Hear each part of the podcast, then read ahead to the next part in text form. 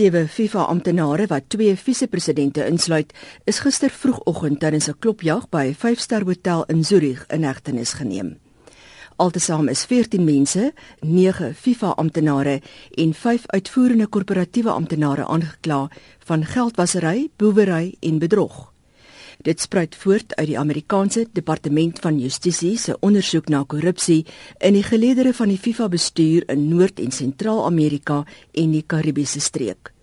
Terselfdertyd het die Switserse owerheid se ouditeur-generaal kantoor aangekondig dat hy sy eie ondersoek doen na die toekenning van die 2018 en 2022 Wêreldbeker onderskeidelik aan Rusland en Qatar.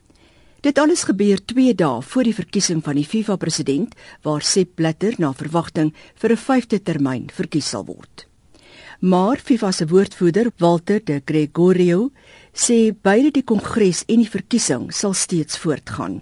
In this case, FIFA is the damaged party. In this context, FIFA is the damaged party, and this leads to the fact that there no, were no searches within the offices of FIFA The people of the federal attorney are here. We cooperate with them. We provide all the information requested by them, and this for our own interests. Because it is of our highest interest that all open questions can be answered.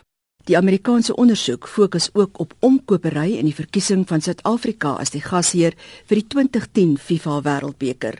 Around 2004 bidding began for the opportunity to host the 2010 World Cup, which was ultimately awarded to South Africa, the first time the tournament would be held on the African continent. But even for this historic event, FIFA executives and others corrupted the process by using bribes to influence the hosting decision. Maar Tokie Segwale, wat 'n stigterslid is van die groep Global Watch en 'n lid van FIFA se media komitee, sê hy is vol vertroue dat die proses bo verdenking was. South Africa should not be spared out of this. All windows should be open. It's good. It's good for FIFA that this investigation is taking place. And if there are any wrongs around the World Cup, which was done here in South Africa, then that's it. But on a later note, you know, we didn't have to pay money in South Africa for the World Cup. We had Mandela, we had de Klerk, we had uh, to, to all the Nobel Prize winners. We threw in also President Thabo Mbeki, so we had three presidents just to make sure that we win the bid. We didn't require any money. I hope nobody will be found wanting in South Africa. We had the best opportunity to bring the World Cup here. But yeah, the investigation in any case must be done wherever it is in full. Die wêreldbeker byeenkomste in Rusland en Qatar gaan na verwagting voort. Die verslag is saamgestel met behulp van Simon Burke en Janet Witten van die sportredaksie. Wilna Matthee in Johannesburg.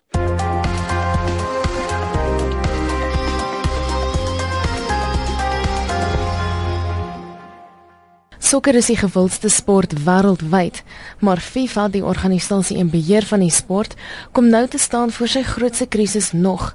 Dit sluit wydverspreide beweerde korrupsie oor die laaste 2 dekades in, asook aantuigings dat meer as 10 miljoen Amerikaanse dollar se omkoopgeld betaal is om te verseker dat die 2010 Wêreldbeker in Suid-Afrika gehou word.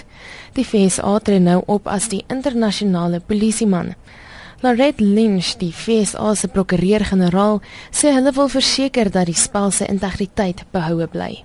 They were expected to uphold the rules that keep soccer honest and to protect the integrity of the game. Instead, they corrupted the business of worldwide soccer to serve their interests and to enrich themselves. Na vroegoggend klopjagte in Zurich, Switserland, het die aandag verskuif na Miami in Amerika, waar die FBI ook toegeslaan het op die hoofkantore van CONCACAF, die organisasie in beheer van sokker in Noord- en Suid-Amerika. Die FBI se direkteur, James Comey, het gewaarsku dat diegene wat geld deur Amerikaanse instansies versprei, verantwoordelik gehou sal word. If you touch our shores with your corrupt enterprise, whether that is through meetings or through using our world class financial system, you will be held accountable for that corruption. Uh, nobody is above or beyond the law. Die wette wat gaan geld in die ondersoek is die wat gebruik word teen maffiabase. Hethen Lou van die nie-regeringsorganisasie Global Financial Integrity sê dit word so gedoen omdat die misdade georganiseerd is.